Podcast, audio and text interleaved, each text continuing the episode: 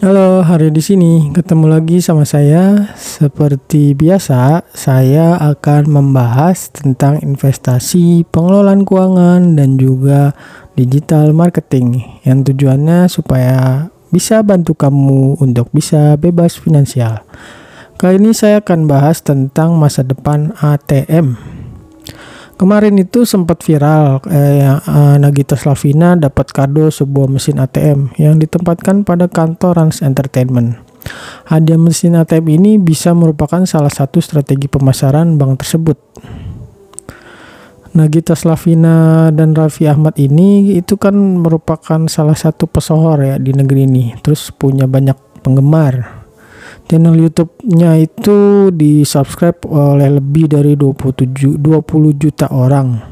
Tentu aja bank yang punya ATM itu dapat publisitas apalagi berita ini sempat viral.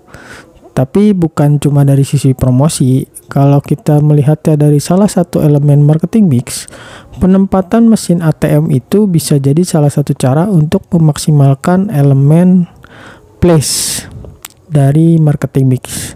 Elemen place pada marketing mix itu bukan semata-mata mengartikan tempat saja, tapi di era sekarang ini place pada marketing mix juga mengartikan akses. Sehingga dengan adanya mesin ATM, bank tersebut akan semakin mendekatkan mereka dengan nasabahnya.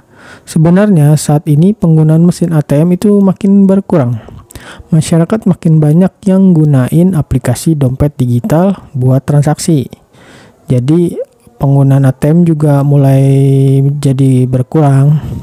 Laporan dari data Bank Indonesia ada peningkatan transaksi digital banking pada uh, tahunan itu sebesar 45,64 persen. Selain itu, transaksi uang elektronik dan penggunaan kris juga meningkat.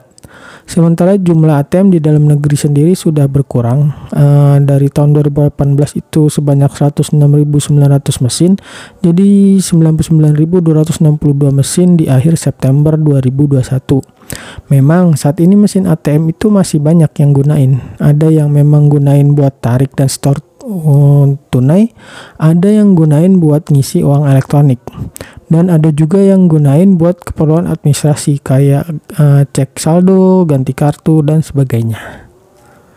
Nantinya ketika semua orang sudah terbiasa dengan transaksi menggunakan dompet digital, maka penggunaan ATM kemungkinan juga semakin berkurang. Bahkan penetrasi kris sendiri juga udah menjangkau ke pedagang kaki lima. Jadi ketika kamu nantinya jajan di pinggir jalan, kamu nggak perlu lagi pakai uang cash. Cukup scan aja kode kris yang ada di abangnya. Dan kalau nantinya penggunaan kris sudah menggantikan uang cash, maka nantinya akan semakin sedikit yang menggunakan kartu ATM. ATM pun kemungkinan jadi salah satu hal yang akan mengalami kepunahan, namun tidak terjadi dalam waktu dekat ini tentunya karena masih banyak orang yang menggunakan uang kertas, sehingga mesin ATM dan kartu ATM masih diperlukan. Oke, sampai di sini dulu pembahasan saya tentang masa depan ATM. Sampai jumpa di konten berikutnya. Dah.